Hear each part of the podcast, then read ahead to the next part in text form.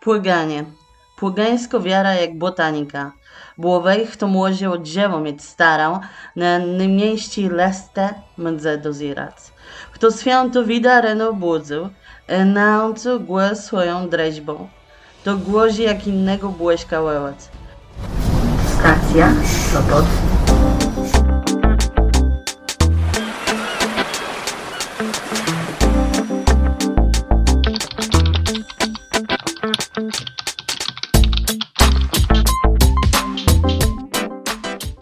Dzień dobry. Dobry wieczór. Gdziekolwiek i kiedykolwiek zechcielibyście mnie słuchać. Przed mikrofonem nad polskim morzem, październikowym, ale bardzo pogodnym wieczorem w Sopocie. Wszystkich swoich słuchaczy wita Piotr Wiktor Lorkowski. To już 43 odcinek Nadmorza. Od razu spieszę Was uspokoić, że jeśli nie zrozumieliście wiersza, którym Małgorzata Wątor, podpisująca się także z Kaszubska jako Greta Wątor, rozpoczęła dzisiejszy podcast, to nie ma powodów do niepokoju, bo ten tekst przeczytała poetka w jednym ze swoich ojczystych języków, czyli właśnie po kaszubsku.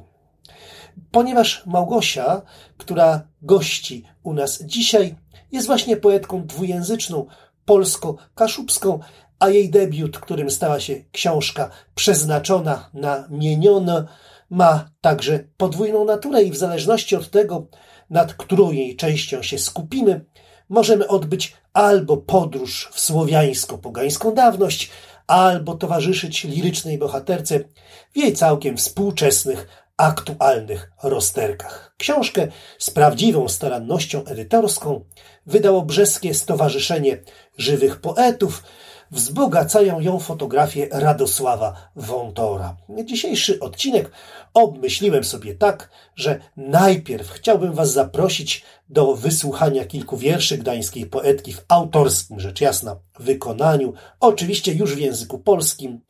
Mam nadzieję, że pewne światło na te wiersze rzuci także rozmowa, którą z debiutantką nagrałem w zeszłym tygodniu.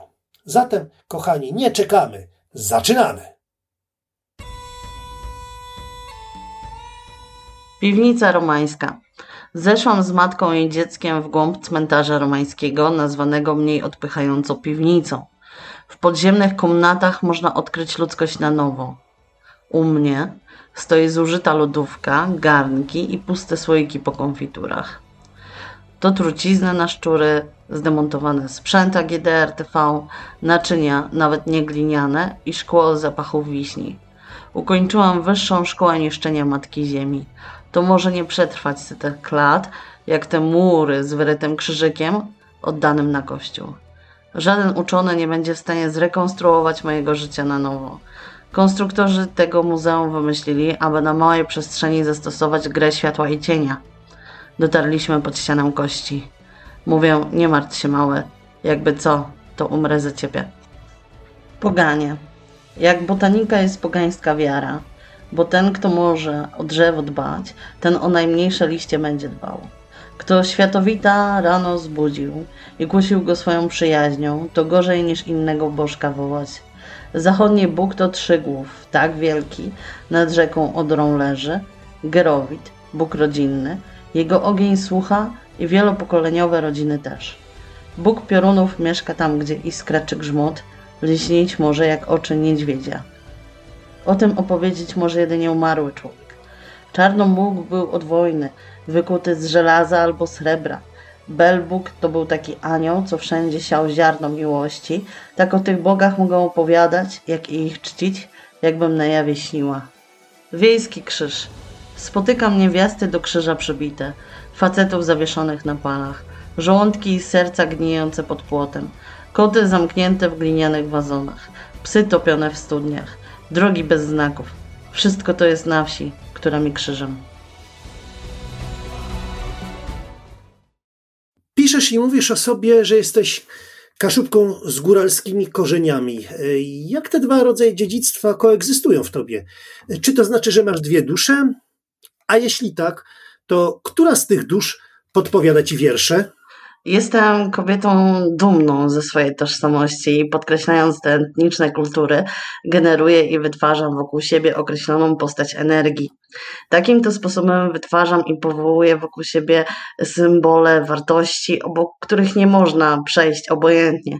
W mojej poezji to czuć, dusze, to tożsamości, widziane przeze mnie w zwierciadle poezji poprzez etos idei, więzi, poczucie wspólnoty czy uczestnictwo w kulturze, a jedna z tych dusz jest kaszubska, z krewi i z gnyta, czyli po polsku byśmy powiedzieli z krwi i z kości, a druga to ta góralska, którą wykąpił deszczyk i ukołysał wiatr, czyli ta, co ją spotyka, przypłynie deszczem, to rzeźbi w niej charakter.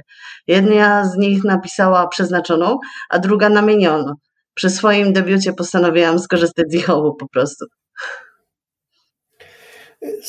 Skupmy się na początek na wierszach napisanych po polsku. No, istotnym składnikiem Twojego języka poetyckiego są metafory techniczne, metafory mechaniczne. To liryczne ja e, ma przy, przykładowo awarie, trzeba je serwisować, trzeba je naprawiać. E, czy to podejście, jeśli potraktujemy je serio, no nie zubaża samej wizji człowieka? E, według mnie wręcz przeciwnie, wiesz, e, w części polskiej wchodzę w polemikę z Witkacem, który przez to, że mieszkałam w Słupsku jest mi bardzo bliski.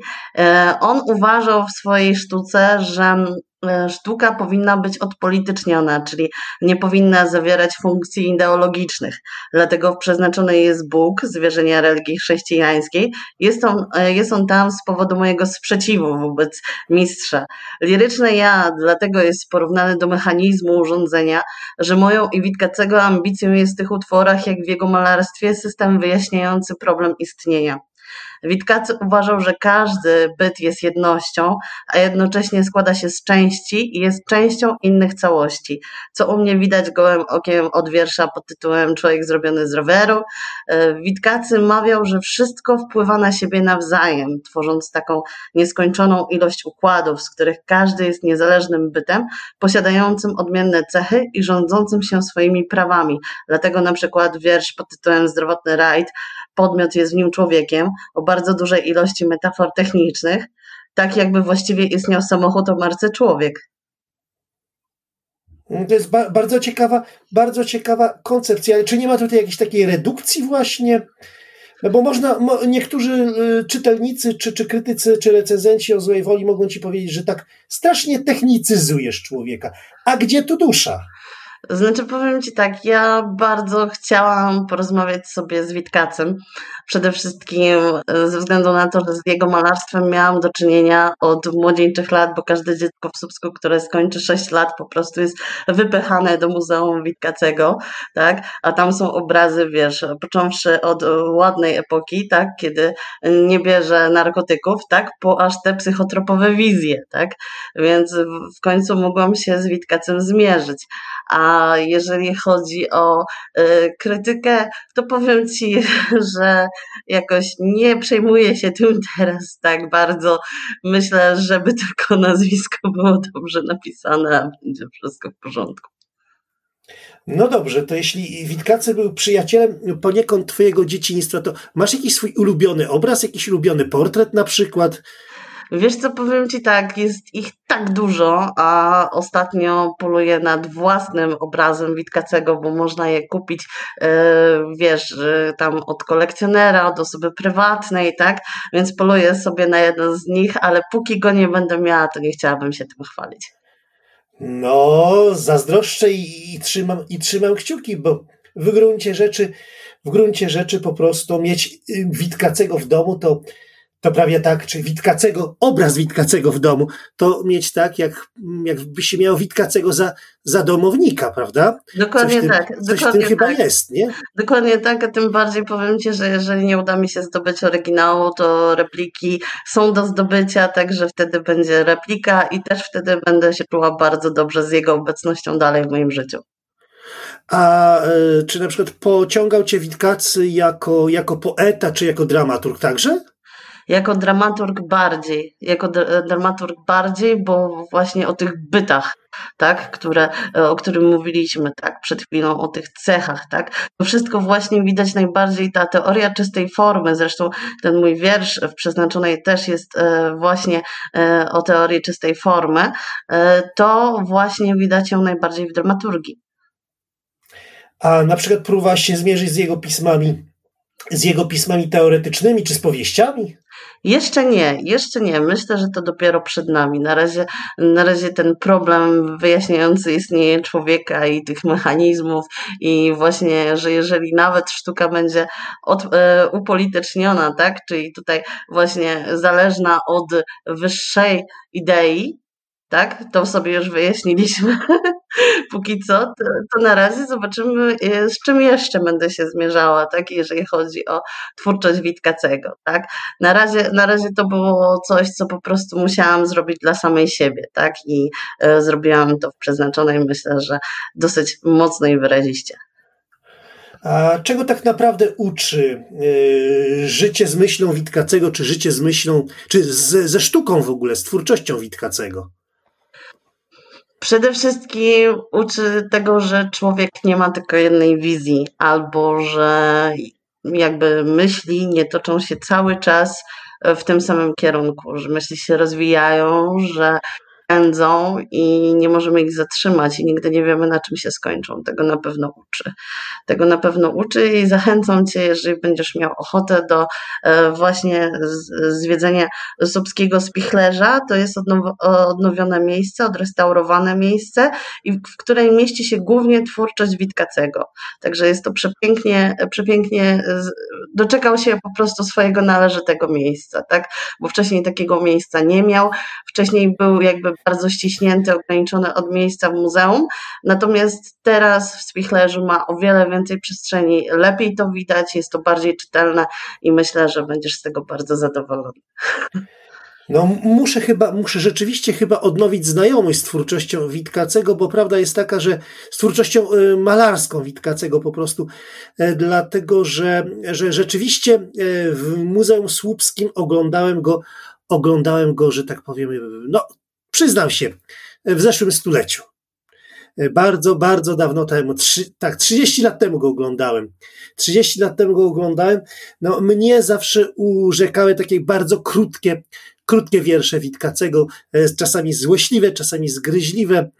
E, no, mnie zaskakuje jakby ten, ten twój stosunek do polityczności u Witkacego, dlatego że, że no to był ktoś, kto e, politykę świetnie znał prawda? On znał, znał politykę na własnej skórze, ale po prostu, dokładnie na własnej skórze, ale po prostu rzecz jest taka, od tej polityki, od tej polityki po prostu uciekał. Kaczmarski jakby tę myśl polityczną w portrecie Witkacego, prawda? Nieźle, nieźle ją tutaj uchwycił, czy, czy po prostu, czy po prostu ujął. A zmieńmy teraz e, temat. E, tak e, naprawdę zastanawia mnie jedna rzecz. Jeden z najmocniejszych Twoich wierszy, Wiejski Krzyż, porusza temat wsi, odrzucając jej idealizację. Czy, czy to nie stoi w sprzeczności z tym, że jesteś zainteresowana kulturą regionalną, a więc y, w gruncie rzeczy taką, która rozwija się na terenach leżących po, poza miastem? Widzisz, dla mnie jako poetki regionalnej, bo taką staram się być, e, to jest bardzo wiersz związany ze wsią, wręcz szczycę się nią w, w tym tekście, tak? Przede wszystkim Boże Męki, bo tak nazywa się w języku potocznym ten przedmiot, był stawiany przez ludzi z każdego stanu społecznego i stawiano krzyż z Jezusem Chrystusem wtedy, kiedy wydarzyło się jakieś nieszczęście, jakaś śmierć, jakaś utrata podczas klęk żywiołowych, czyli na przykład covid tak? U mnie natomiast te zarazy mają postać kobiet, mężczyzn, zwierząt, tak? Tutaj pies, kot. E, pisząc ten wiersz, starałam się podnieść i podtrzymać z niemocy, tak, która mnie życiowo dopadła, ponieważ kiedy zaczęłam być dumna z tego, że chcę być przyzwoitą poetką regionalną, wstrzymywano przez jakiś czas publikację moich wierszy co było dla mnie bardzo bolesne. Więc, żeby ukoić swoją duszę, musiałam się z tymi negatywnymi przeżyciami rozprawić, uporządkować i zarazem zostawić na końcu. A po drugie, ta kapliczka przydrożna, w której taki krzyż się znajduje, ukazuje potrzebę religii chrześcijańskiej, czyli jej pragnienie obecności z praktykami religijnymi poza murami świątyni. A poza tymi murami widzimy, czytamy już namieniono. No właśnie, i ta namieniona mnie dość, dość mocno zastanawia. E, dlatego, że ta e, druga dwujęzyczna kaszubsko-polska część Twojego debiutu prezentuje cały panteon bóstw słowiańskich. No, e, co Cię tak naprawdę najbardziej zaciekawiło w tym, temacie, w tym obszarze tematycznym? Czym pociąga Ciebie słowiańskie sakrum? Przede wszystkim odpowiedź na to pytanie wiąże się z moją tożsamością, ponieważ nie miałam okazji poznać mojej e, kaszubskiej babci Stefanii, do której jestem bardzo wizualnie podobna i staram się ją poznać poprzez wierzenie, język czy kulturę. Wnamieniono poprzez metaforyczne i symboliczne oblicze tych wierszy, to dla mnie pomost więzi pomiędzy babcią a mną. Obrzędy, legendy, pieśni, to wszystko tworzy aurę kultury i tożsamości, z którą najbardziej jestem związana ze sprawą urodzenia w Słupsku, czyli na Pomorzu. Spirytualny i fantastyczny świat Pomorza i Kaszub bardzo mnie interesuje. Myślę, że najbardziej pociąga mnie kaszubska fantastyka obecna w mowie i w bajkach. To coś, co przekazujemy sobie z krwi i w kości, które też stąd pochodzą. Chciałam poprzez swoją poezję kultywować pamięć o tej mitologii, która różni się od mitologii słowiańskiej. Czy mi się to udało? Zostawiam to pod osąd czytelnika. E, dobrze, ale na przykład gdybyś miała e, jakby spojrzeć na taką, na to, co chyba to jest szalenie istotne w tej, e, w całym myśleniu także magicznym Kaszubów, na życie i przygody Remusa. Czy, czy też na, na, na Twoją wyobraźnię to oddziaływało? Oddziałało? Znaczy przede wszystkim, y, jeżeli mówimy o e, Remusie Majkowskiego, no to tutaj tak, tak, od tak, razu tak. biegnę wyjaśnić tytuł, e, dlaczego namieniono, tak, skąd przeznaczona w ogóle. Tak, tak, Ponieważ w tej książce Majkowskiego jest napisane, co komu namienione, tego jo. nie minie, czyli co komu przeznaczone, to go nie ominie. A że debiut jakby wisiał nade mną, tak, już trochę czasu, a ja się wzbraniałam, nie chciałam wydawać tomu poetyckiego, debiutanckiego, to w końcu stwierdziłam, że skoro też y, prowadzę zajęcia kulturalne właśnie w biurze Majkowskiego w Sopocie, to stwierdziłam, a y, a zainspiruje się tak, tym, co powiedział Misz. Zresztą jest mi tak bliski, no bo patrzyłam przez niego przez dwa lata, znaczy na jego obraz przez dwa lata patrzyłam i tak y, w końcu stwierdziłam, że skoro y, napisał takie zdanie właśnie w życie i przygody Remusa, no to właśnie tak będzie się nazywał mój tom debiutancki, czyli przeznaczona. A, czyli jakby jesteś tutaj u u tego, jesteś jakby się u źródeł tego kaszubskiego tak. myślenia mitologicznego, które przechodzi w myślenie literackie, prawda? Tak. Tak, tak. Tak. I jeszcze, jeszcze jedna kwestia na koniec. Jakie są Twoim zdaniem szanse przetrwania i dalszego rozwoju kultury ludowej czy regionalnej w zglobalizowanej cywilizacji? W dobie wysoko rozwiniętego świata, wiesz, coraz częściej wielu ludzi wraca jakąś cząstką siebie do kultury ludowej. Na przykład y, kultura jedzenia zero waste, czyli sztuka kulinarna o niemarnowaniu jedzenia, o wykorzystywaniu go na wszelkie jego możliwości, jest doskonałym przykładem na poparcie moich słów. Do tego bajki. Na Pomorzu mamy coraz więcej pisarzy i pisarek, które tak, bardzo dobrze tak. czują się w, takiego, e, w takim klimacie, wiesz, słowiańskiego bajarza, tak? Poprzez swoje swoje dzieła zarażają tym innych ludzi, dlatego kultura przetrwa w książkach czy w grach komputerowych. Tu mam na myśli też książkowy sukces Sapkowskiego, jego Wiedźmina, tak? I grę, która poszła echem, którą wykreował z kolei CD Projekt, tak? Którą ja też bardzo lubię grać ale y, pewnie zauważyłaś to, nie? Że, że, ta, y, że ta pomorska słowiańskość jest jednak bardzo dziwna jest zupełnie odrębna tak, w, takim, w takim intuicyjnym odbiorze od tak, e, takich e, obiegowych wyobrażeń o słowiańszczyźnie, prawda? Tak, e, tak, tak. tak bardzo, bardzo. I, czy, czy masz takie poczucie, że, że, mocno, e, że mocno tutaj też oddziaływało sąsiedztwo Skandynawii? Znaczy, powiem Ci tak, że e, ja takiego poczucia nie mam, bo ponieważ ja jestem zdania, że e, Kaszubi pochodzą z niemieckiego ludu e, wentów, tak? A went to znaczy wędrować, tak? I bardziej w tą stronę. Natomiast jeżeli chodzi o Skandynawię, no w sumie Niemcy to Germania, ale sztuka opowiadania bajek bardziej bym poszła w tą część Bałtów, tak? Czyli tutaj mam na myśli Estonię, tak? E, tutaj mam na myśli Litwę, Łotwę, tak? Te kraje są bardzo dobrze zorientowane, jeżeli chodzi o bajki, o opowiadanie bajek, o przekazywanie sobie bajek. Mają nawet e, w Łotwie chyba, e, tak, na Łotwie mają szafę pełną bajek w ogóle śpiewanych, także to już jest ewenement, tak, i myślę, że pod tym względem, no zresztą Kaszubom też niewiele brakowało do tego, żeby zostać bałtami, także, także myślę, że to stąd trochę jest ta mitologia trochę inna, a po drugie mamy jeszcze Kociewie, tak, z prawej strony tutaj, tak, więc też jest ta mitologia pomieszana trochę przez, poniekąd przez to na terenie, na którym się znajdujemy, tak, i myślę, że to właśnie czyni ją wyjątkową, tak, i dlatego też bardzo lubię takie miejsca jak właśnie Grodziska, tak, bardzo lubię Grodzisko w Sopocie, odkąd zostało wyremontowane, tak samo e, bardzo lubię inne Grodziska w Widzu, tak, na przykład, czy w Pruszczu Gdańskim, tak? Także no, naprawdę, naprawdę robi się nam tutaj coraz bardziej mitycznie i słowiańsko i z tego się bardzo cieszę. Czyli twoimi zakątkami y, są grodziska.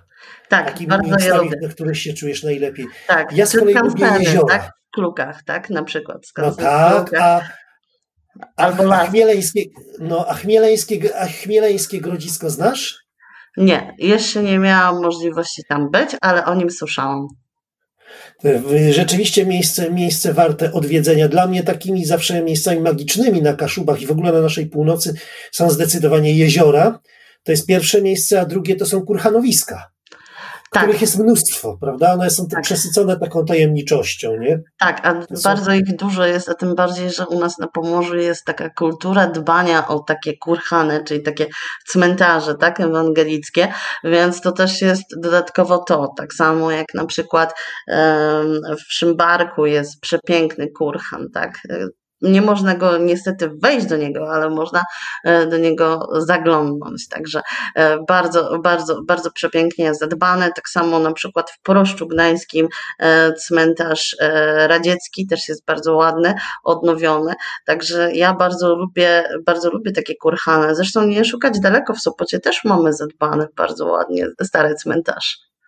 No tak, ale czyli masz takie poczucie jakby, że te przeddziejowe kurhany w jakiś sposób też łączą się nam tutaj, czy to w magii, czy to w micie po prostu e, z taką kulturą e, czci dla zmarłych na Pomorzu generalnie, tak. że jakby dla tych zmarłych w ciągu ostatnich, nie wiem, 200-300 lat poległych i tak dalej. Tak, oczywiście. Masz takie poczucie, że taki szczególny jakby kult tutaj, tutaj panuje? Tak, oczywiście, że tak, oczywiście, że tak. Mam takie, um, widzę je na co dzień chociażby, bo e, takie magiczne miejsce mamy na cmentarzu łostowickim w Gdańsku, gdzie niedaleko po Nasiedlcach, z którym cmentarz graniczy, ma, mieliśmy, zanim, zanim ten cmentarz powstał w ogóle, był tam e, cmentarz, na którym zakopano mnóstwo osób, które cierpiały na epidemię dżumy Także, no, a teraz chowamy tam normalnie naszych bliskich, tak? Więc dla mnie to jest na przykład takie miejsce trochę magiczne, trochę przerażające, tak? Boję się tam chodzić po zmierzchu. Ale strach jest uczuciem bardzo poetyckim, prawda? Tak, tak, tak, tak. Tu się zgadzam z Tobą. Czy ty uważasz, że, jakby, że nasz region daje szczególnie, że tak powiem, szczególną okazję do przeżywania takiego tremendu? Tak, tak. Ja tym bardziej yy, urodziłam się i wychowałam w Rowach to jest niedaleko Ustki, miejscowość. Tam mieszkałam przez e, pół życia, pół życia w Subsku. E, tak się złożyło i tam też właśnie towarzyszył mi taki kurhan, który, z którym zwią- wiąże się pewna bajka, że piraci zakopali tam skarb, ale po niego nie przyjechali, także, także tam pierwsze, pierwsze jakby można powiedzieć ciała wędrowców zostały złożone. Teraz oczywiście rzeczywiście zostało to zadbane, zadbali o to, e, jakby wynieśli po prostu całą pięk, e, całą, e, całą piękność, która w tym jest.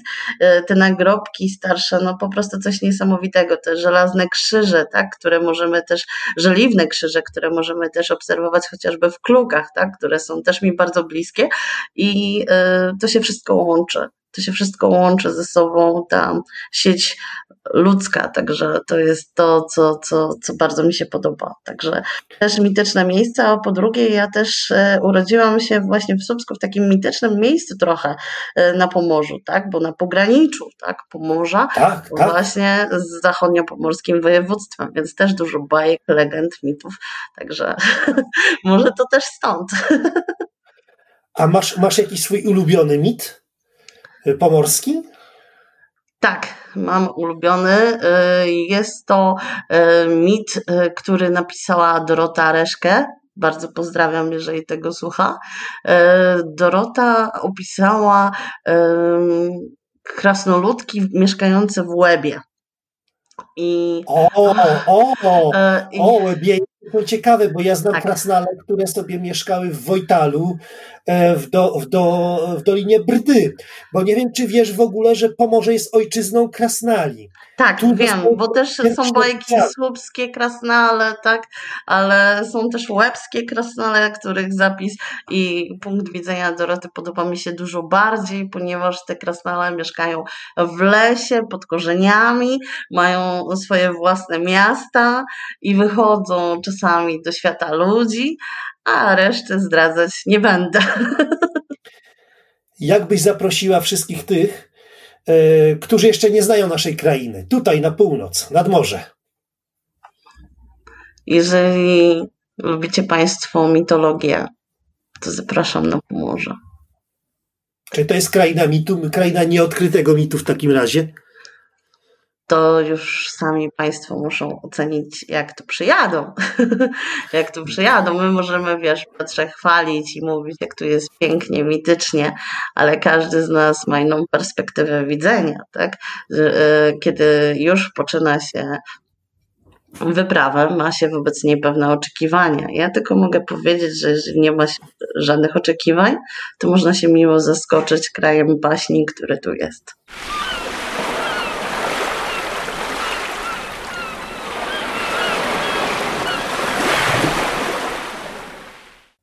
Dziękuję Ci, Małgosiu, dziękuję wszystkim, którzy poświęcili czas i uwagę temu odcinkowi nadmorza. Na osobnym zaś miejscu dziękuję każdemu, kto swoimi pomysłami, kto swoimi inspiracjami dzieli się na facebookowym profilu tego podcastu. Liczba nadmorzan, bardzo się z tego cieszę, przekroczyła już 500, to 500 bardzo ciekawych osób każdego też. Zapraszam do dzielenia się wrażeniami na temat tego czy innych odcinków podcastu, na przykład w formie komentarzy. Wciąż czekam jeszcze na nagrania do jesiennej edycji antologii wierszy czytanych. Miło mi będzie, jeśli zechcecie przyłączyć się do grona prezentowanych w niej autorów. A w ten czas naprawdę niełatwy. Życzę każdemu, życzę także sobie byśmy właśnie w poezji znajdowali wytchnienie, byśmy znajdowali w niej także oparcie. Zatem do usłyszenia niebawem. Niech sprzyja Wam muza, a niech wirus trzyma się od Was z daleka. Z Sopotu, z nadpolskiego morza, pozdrawia Was Piotr Wiktor Lorkowski.